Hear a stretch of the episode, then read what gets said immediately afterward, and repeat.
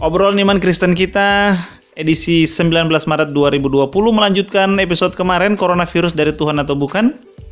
Maka dengan dua cerita yang kemarin kita bisa menjawab coronavirus itu berasal dari Cina, bukan dari Tuhan. Karena Cina yang me, pertama kali menemukan um, virus itu, maka kita bisa menjawab dengan sangat tepat bahwa coronavirus itu berasal dari Cina, bukan dari Tuhan. Tapi apakah Tuhan yang me, me, membuatnya? Kita lihat bahwa coronavirus itu dan semua wabah penyakit yang lain ya kan itu muncul dari ketidakteraturan dunia. Virus semuanya muncul dari ketidakteraturan dunia. Allah tidak pernah memberikan yang buruk. Allah selalu memberikan yang baik. Jadi semua hal di dunia ini yang buruk, bencana alam, um, kelainan um, proses biologis termasuk di, di antaranya adalah virus, itu terjadi karena order atau um, um, keteraturan dunia ini kacau dan menurut kitab suci itu kacau karena dosa manusia. Tetapi penghiburannya adalah dosa manusia ditebus oleh Kristus sehingga ketika Kristus mendamaikan dunia dengan Allah Bapa, maka otomatis dunia perlahan tapi pasti menuju kepada keteraturannya yang baik. Walaupun kita tahu bahwa keteraturan yang sempurna belum mencapai akhir, dalam arti belum tiba karena dunia ini uh, belum sampai pada akhir masanya.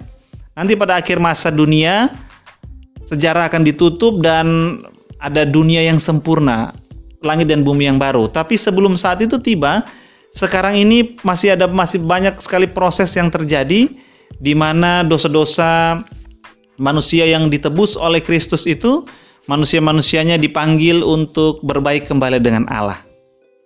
Jadi kalau ditanya eh, di mana datangnya virus corona ya dari Cina. Yang maksudnya Cina terus gimana apa dari Tuhan? Jawabnya adalah um, Tuhan tidak pernah memberikan yang buruk, selalu yang baik.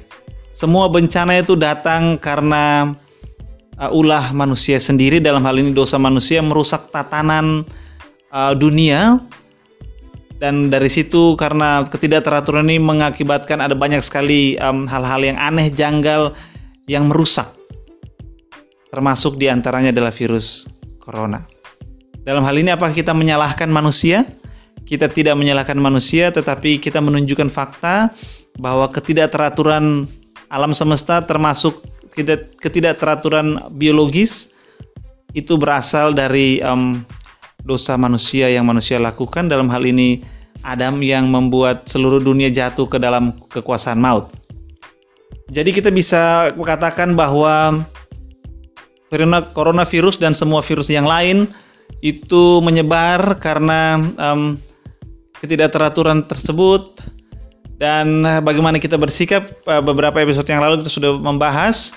Kita tidak perlu um, melihat hal ini sebagai sesuatu yang Allah berikan untuk menghukum kita, tetapi kita melihat hal ini sebagai akibat dari um, kesalahan manusia, akibat dari kekeliruan manusia, sehingga kita perlu memperbaiki kekeliruan itu bukan dengan cara saling menyalahkan, apalagi dengan cara menyalahkan Allah, tetapi kita memperbaikinya dengan cara kita saling mengasihi.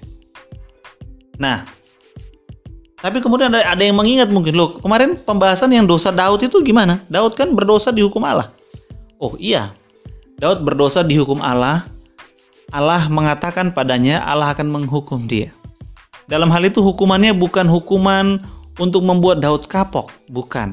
Hukuman untuk menghajar Daud untuk mengajar, untuk memisahkan dosa dan kebenaran sehingga Daud belajar tentang kebenaran.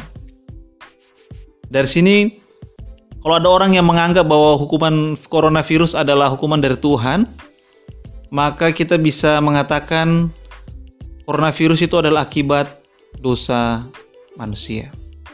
Tapi tidak spesifik dosa siapa, kita tidak sampai di situ. Yang jelas secara umum yang tadi itu dosa mengakibatkan ketidakteraturan termasuk proses-proses biologis sehingga ada virus muncul seperti ini.